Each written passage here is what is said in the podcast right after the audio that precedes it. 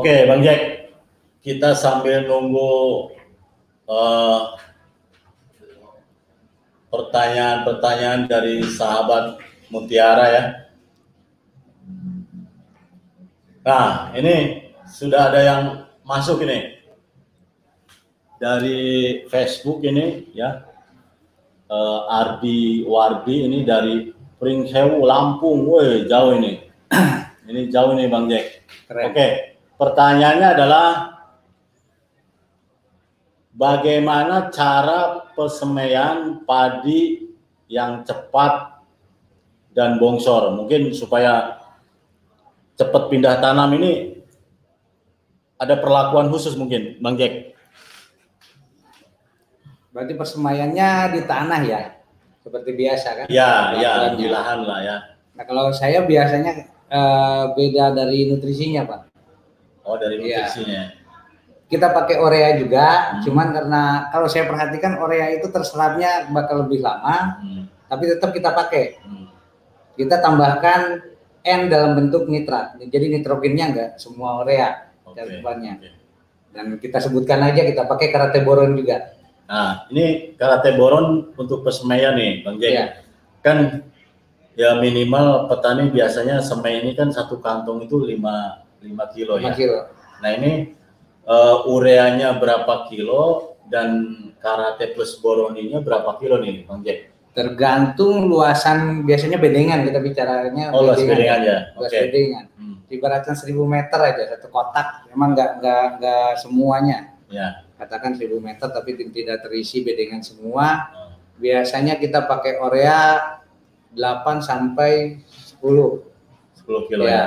Okay. Karate boronnya 5 kilo cukup. Oh, itu bedengan yang luasnya segitu itu untuk kebutuhan berapa hektar ya, Bang? Kemarin kita aplikasi kebetulan di Kerawang juga ada yang mau tanam di Persemaya hmm. untuk lahan 8.000 meteran lebih, Pak. Berarti ya kurang lebih satu hektar ya. Iya. Oke, uh, Mas Ardi ya, jadi tadi perlakuan Bang Jack untuk persemaian adalah selain menggunakan pupuk urea juga Bang Jack ini menggunakan karate plus boroni. Jadi untuk kebutuhan misalnya persemaian untuk luasan satu hektar, nah ini menggunakan ureanya 10 kilo dan karate plus boroninya 5 kilo. Itu ditaburkan umur berapa nih Bang Jack? Biasanya petani di umur 8 sampai 15, 15 HSS. 15 setelah iya, semai ya. Hari setelah semai. Oke, Mas Adi ingat ya. Jadi ya memang lain tempat, ya lain cara lah. Cuma yeah. yang sudah dilakukan Bang Jack ini adalah seperti itu ya. Jadi urea eh, campur dengan KPB atau Karate Plus Boroni, katanya pertumbuhannya bagus, terus akarnya ya, akarnya mungkin Bang Jack ya. Jadi apabila pindah tanam itu ya kalau akarnya bagus ya nggak stagnan ya. Iya, Jadi nggak nggak nggak kuntet karena perakarannya bagus. Oke, mungkin ada kita sambil nunggu pertanyaan yang lain. Oh, ini Jian Ziwanda, ini dari Facebook ya. Ini manteng terus. Ini, halo Master, saya dari wilayah Kabupaten Simalungun. Mau bertanya, masih ada enggak IR 64 didapatkan di wilayah Siantar dan sekitarnya. Nah, ini memang gini, uh, Bang Jack, kita tidak pungkiri ini karena ini varietas ER64 ini atau orang bilang uh, ER10 ya, karena 6 dengan 4 uh, 10. Ini ada beberapa wilayah memang masih masih cocok, ya. ah cocok ini Bang Jack. Tapi untuk daerah Kerawang ini Bang Jack masih ada yang nanam?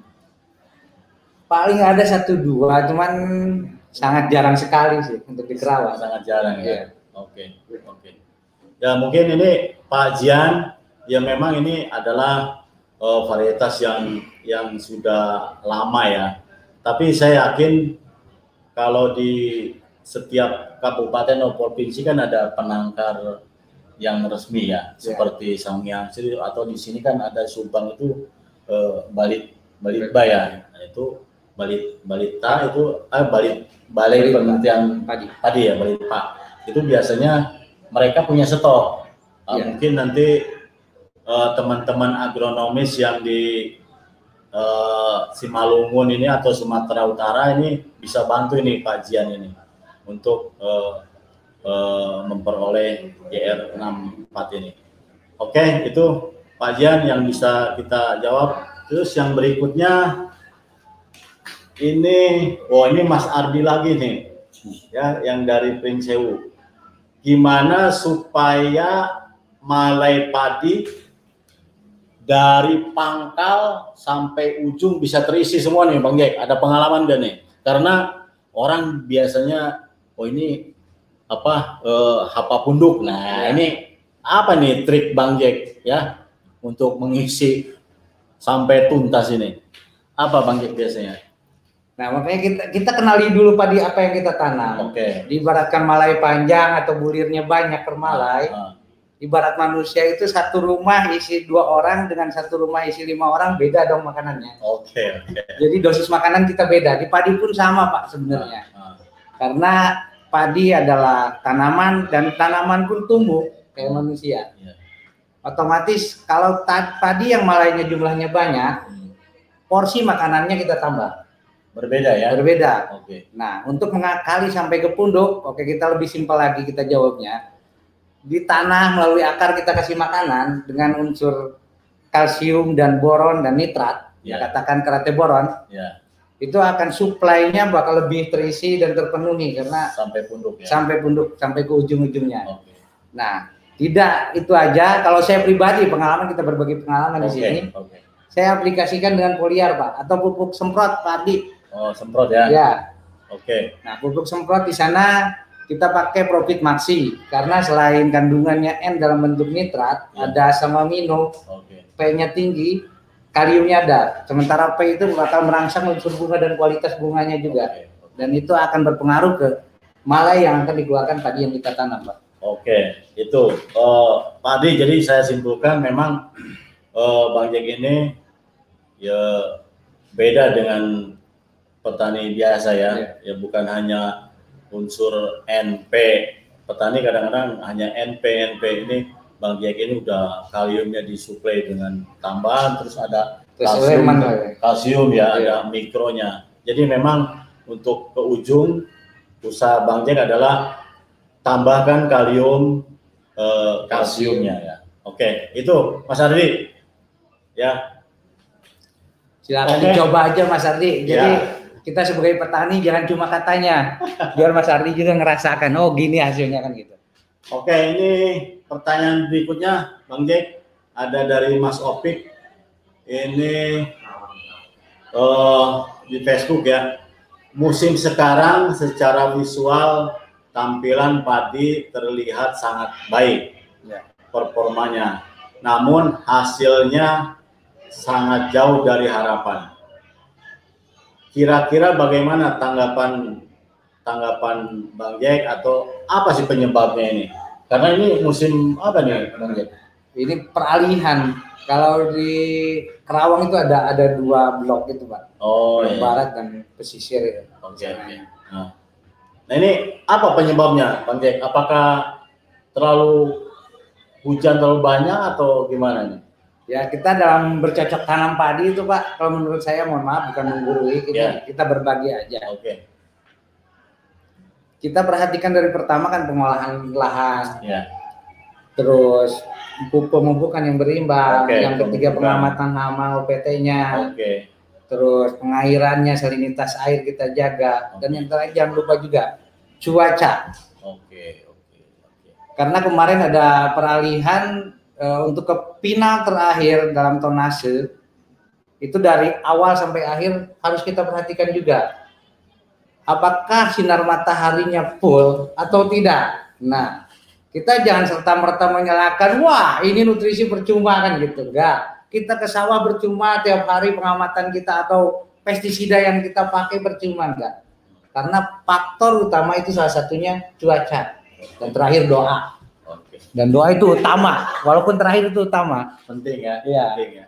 Karena tanaman bakal tumbuh dan mereka makannya berfotosintesis Hmm, itu melalui dengan adanya sinar matahari, Pak. Oke. Sedangkan kemarin pada saat peralihan sampai sekarang aja di Kerawang masih ada hujan-hujannya. Oke. Oke. Itu Mas Opik jadi memang ini musim agak sedikit bergeser ya, Bang Jack. Biasanya itu kalau biasanya itu kan tegas ya musim musim penghujan itu eh, Oktober sampai Maret ya. Jadi terus kemaraunya itu April sampai eh, September. Tapi ini ada pergeseran memang. Mei saja sudah sudah harusnya nggak ada hujan jarang ini masih banyak. Masuk Juninya pun masih ada ya. Mungkin salah satunya itu eh, Mas Opik. Jadi memang eh, cuaca ya. Oke. Mungkin pertanyaan yang lain. Ah ini Kang Sawon. Berapa kebutuhan hara makro primer dan sekunder di lahan sawah yang pH-nya rendah. Wah, ini dari Facebook nih. Bang Jack, ya, kita tahu bahwa makro primer itu NPK, Iya. terus yang sekundernya adalah CAMGS ya. Ini. Kira-kira Bang Jack, ya kebutuhannya Kalau kita bicara kebutuhan, makanya balik lagi dari awal tadi saya udah jelaskan, Pak. ya. Pengolahan tanah. Kita kenali dulu tanah kita, asam atau basah. Ya. Nah, di sini mungkin Pak Hermain bisa lebih detail menjelaskan karena kalau saya hanya petani, Pak. Jadi di unsur hara itu kita kalau saya cuma sebentar menjelaskan tapi lebih detailnya nanti ke Pak Hermain. Terbagi dua, ada unsur anion dan kation. Nah, selanjutnya mangga ke Pak Hermain penjelasan tentang anion dan kation tersebut. Ini Kang Sawan memang yo kalau pH rendah ya diusahakan perbaiki dulu pH-nya. Jangan misalnya oh pH pH rendah pakai pupuknya harus lebih banyak ya. Kami ya senang-senang saja. Cuma kan nggak seperti itu. Ya, jadi tadi Bang Jack bahwa kenali dulu pH tanah, terus seperti apa kondisi tanah kita kan, Iya. supaya nanti hasil pertanian kita bisa bisa apa yang kita eh, harapkan itu bisa tercapai ya. Jadi salah satunya untuk untuk merubah atau memperbaiki pH tanah, Kang Suwon ya pakai bahan organik atau Kapur kapur pertanian atau dolomit ya. Oke, Eh, Kang Suwon, kalau pengen detail ini, jadi ada kita ada komunitas NPK Mutiara di Telegram, silakan Kang Suwon masuk situ ya. Akan bertanya banyak apa tentang apa atau ngirim oh ini gambar seperti apa. Nanti akan dijawab oleh eh, agronomis dari tim Merauke yang sudah ah, jangan diragukan lagi ya. Begitu Kang Suwon. Mungkin pertanyaan yang selanjutnya ini dari Mas Arif Rahman Hakim Facebook ya. Saya Arif dari Kerawang. Wah, ini ini kanca kanca sorangan ini kan. Saya tanya Om Jack dengan modal yang sampai 10 sampai 13 juta Ya. pernah nggak produksi padinya tidak maksimal masalah misalnya dapat 6 at- 5 atau 6 ton karena musim rendengan ini daerah Pantura hasil panennya cuma dapat 5 ton yang pada umumnya. Bagaimana menyiasatinya? Mungkin seperti itu, Ya. Bang Jack. Karena ya lagi-lagi perayaan musim itu ya. Iya. Oke, silakan Bang Jack. Kalau saya begini Pak, makanya kalau kita membandingkan Hmm. jangan musim sekarang dengan musim kemarin. Tapi musim sekarang dengan musim sekarang. Bila mana ini pakai produk atau modal dengan sekian, ini dengan modal sekian. Apalagi di lahan yang berdampingan yang sama. Oke. Itu bakal kelihatan bedanya. Dan kita juga dapat eh, salah satu mungkin disebutnya laporan kan dari petani kita, WA buktinya ada itu real. Yang pakai produk kita dengan pola yang saya berikan dengan biasanya petani itu bedanya satu ton lebih. Nah, minimal saya ke petani itu minimal kita perbedaan ada nilai lebih satu ton. Dan biaya yang tersebut perbedaannya akan tertutupi, malah ada masih ada untung kita. Karena ini bisnis. Bukan masalah harus sekian ton tidak. Karena cuaca berpengaruh. Oke. Minimal kita harus ada lebih dari orang lain berarti kita masih menang. Oke, Kang Arif, mungkin kalau saya simpulkan ya. Jadi yang pertama adalah Kang Arif jangan bandingkan musim uh, K3 dengan musim rendang ya. Ya kalau mau bandingkan satu musim ya, yeah. Bang Jack, rendang-rendang atau K3 tiga. Terus tadi Bang Jack singgung dengan penambahan ongkos produksi, yeah. itu bisa tertutup nggak dengan hasil panennya? Kan seperti itu yeah. banyak ya.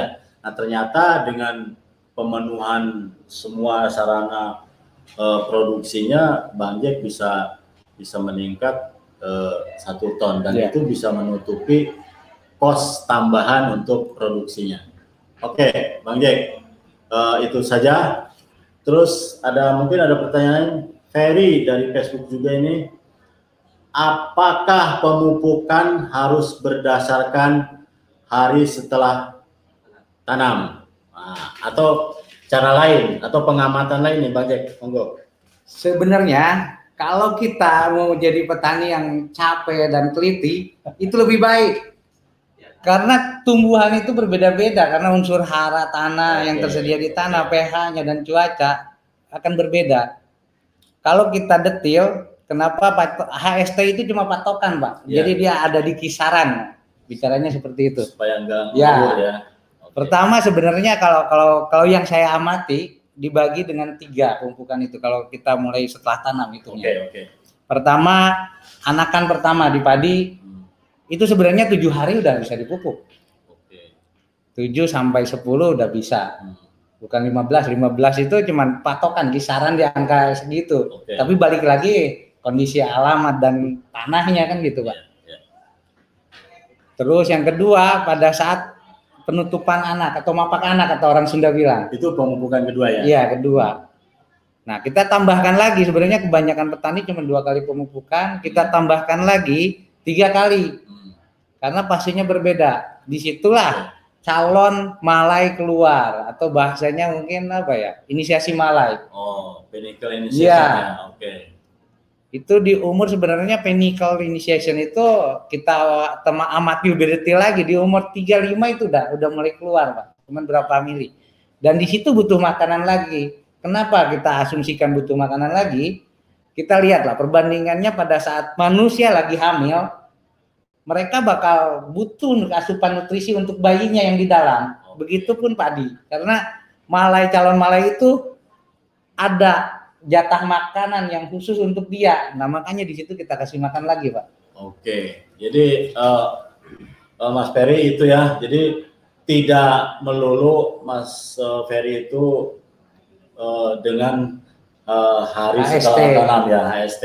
Bisa juga pengamatan. Ya memang petani itu ya jangan pengamatan. Ah, pengamatan, Panjek. Oke, itu Mas uh, Ferry. Mudah-mudahan terjawab. Terus ini dari Kang Hasan Kerawang ini. Ini adalah uh, dari Facebook ya.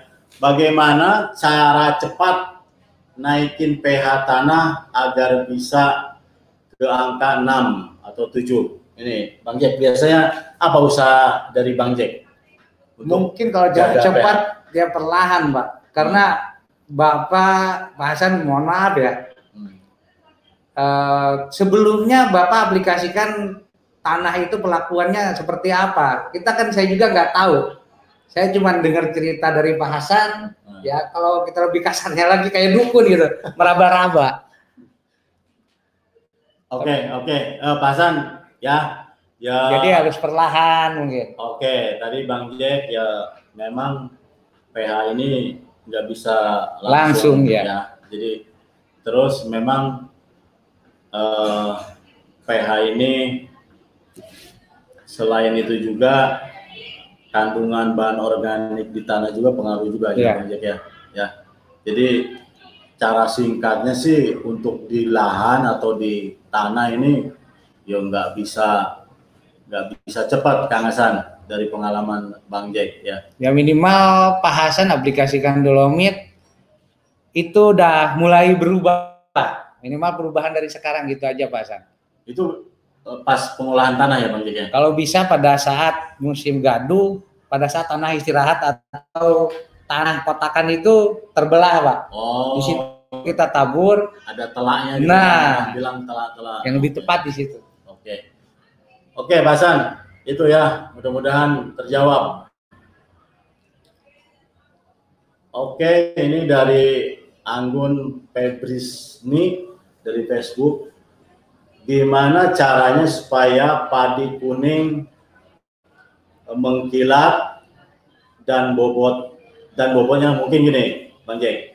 Ya, jadi warna padinya bisa mengkilat, kuning dan bobotnya ada. Ini biasanya mungkin ya apa perlakuan Bang Jack ini? Salah satunya kita kan dari nutrisi Hmm, dan da- melalui pengisida juga Pak. Oke, Karena sehebat apa pun nutrisi tanpa kita ada pengamatan hama yang baik ya, dan penanggulangannya oke, itu tidak akan hasil yang kita harapkan.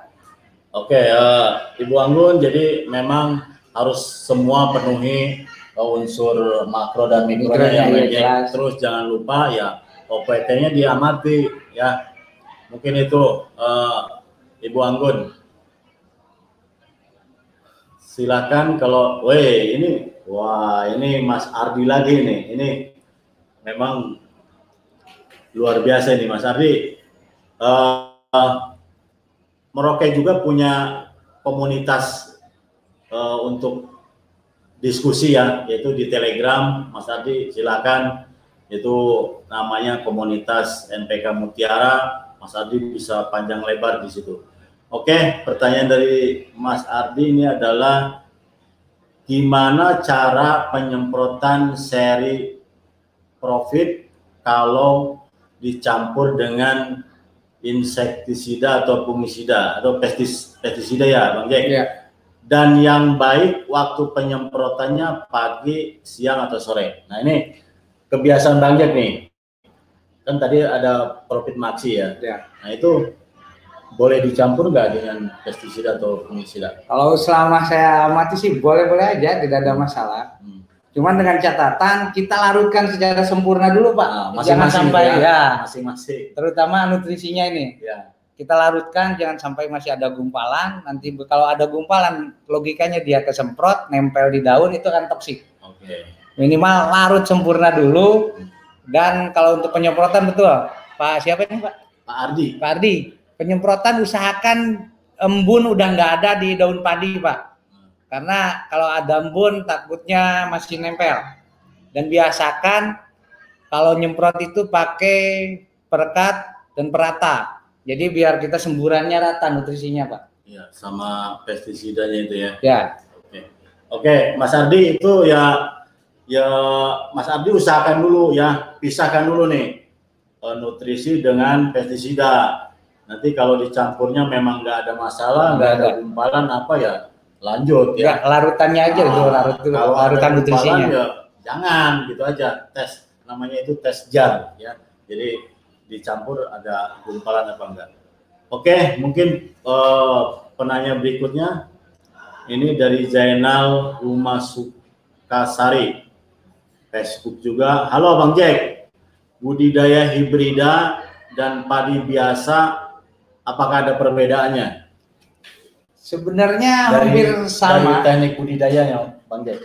Sebenarnya hampir sama. Bersama ya. Ya, cuman dari awal kita atur perendamannya atau istilahnya dari bahasa orang hibrida itu staggering, Pak. Oh, staggering. Iya. Ya. Kita rendam beda-beda. Hmm. Intinya kenapa? Supaya pada saat setelah kita tanam, pada saat malai keluar itu akan sinkron atau sama bareng. Karena di padi hibrida itu kita kawinkan antara jantan dan betina. Karena padi itu sebenarnya dalam satu jenis padi itu ada jenis kelamin jantan dan betina dalam satu padi. Oke. Nah, yang jantan ini kita tidak mandulkan, tapi yang betina dimandulkan. Dia nggak bakalan terisi kalau tidak tersebuki dengan serbuk sari dari jantan ini. Jantannya ya. Oke. Jadi kalau sinkron hasilnya bakalan banyak. Bedanya mungkin di situ aja. Kalau perawatan pemupukan hampir sama. Oke. Eh, Mas Jenal itu ya yang bisa disampaikan oleh Bang Jack. Mungkin ada pertanyaan selanjutnya. Andri Setiawan, ini dari, dari Facebook. Wah, Pak Jendri. ini jauh ini dari jam Pangkulon, Pak. Wes, ini kawannya Bang Jack ini. Untuk pemupukan padi mapan, Ya, ini jenis varietas ya. ya. Dosis pupuk NPK, oh Ponska ya, berapa kilo tambahan eh, NPK Mutiara 16 MTJ? Eh, berapa kilo per hektarnya? Mungkin gini, kan ada pupuk subsidi nih, Pak Ya. Jack. Ya biasalah petani bisa digalau-galau Ya, orang di mic, kan. Nah, di mic. Ya. Nah, biasanya perbandingan misalnya sekintal subsidi itu berapa? eh, Berarti ini Mutiara. kurang detail sih pertanyaan Pak Jandri ini. Kalau kalau lebih detail kita lebih gampang menyimpulkannya Pak. Oke. Pemupukan pertama atau kedua gitu. Ah, itu ya. Oke.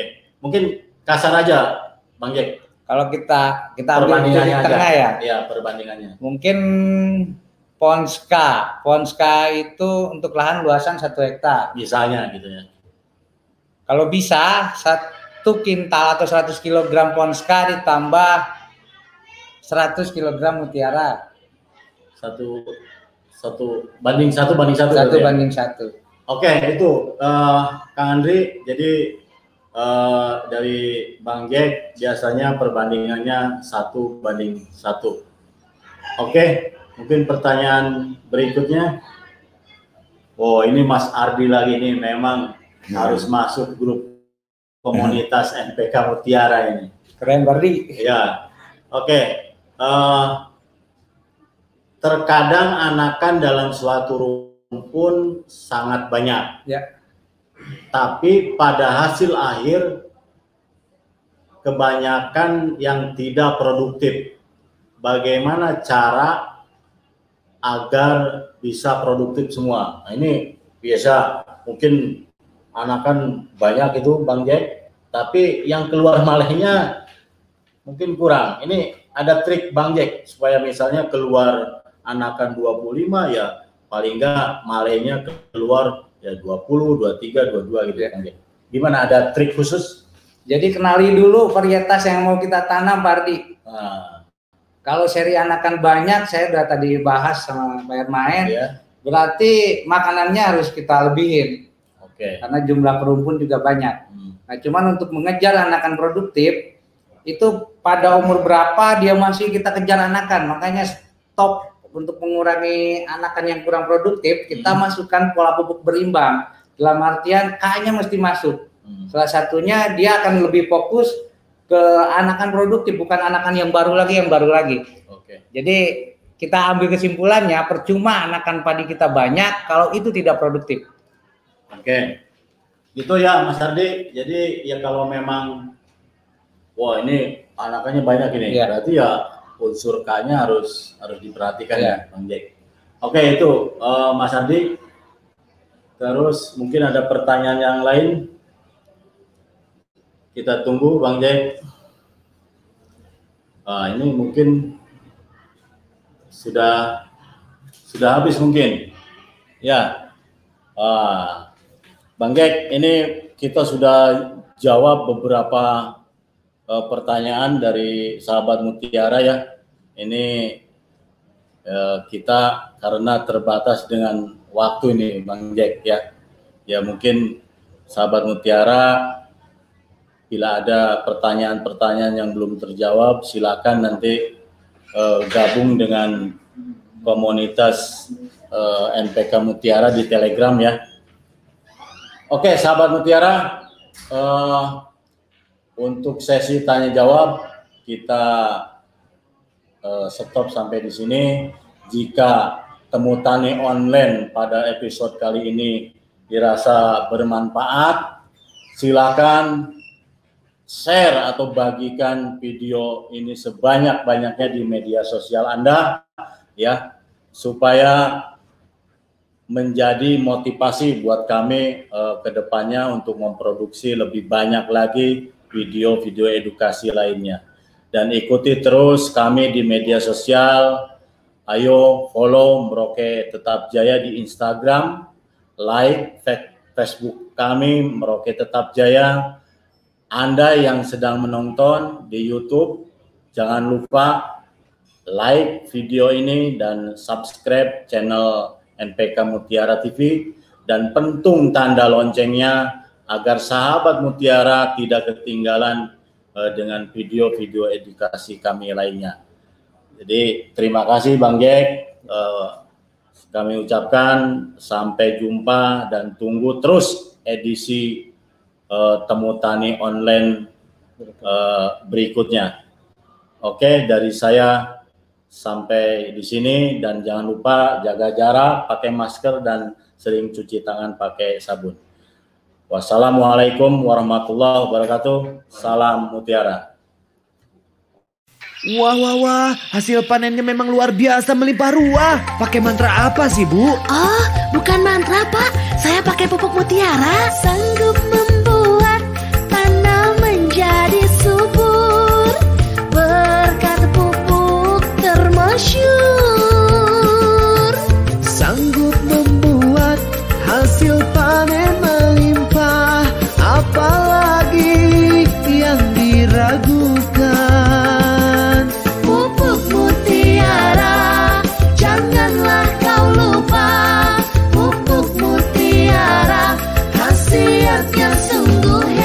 hasil panen melimpah? Pupuk Mutiara memberikan kenyataan. Yang jelas, pupuk Mutiara kini formulanya lebih maju dengan kadar pilihan 16 16 16, 15 15 15, 15 9 20, 13 13 24, 9 25 25 dan lain-lain. Pupuk ini cocok untuk tanaman hortikultura, pangan dan perkebunan. Ingat, pupuk Mutiara berlambang burung dari PT Merauke Tetap Jaya.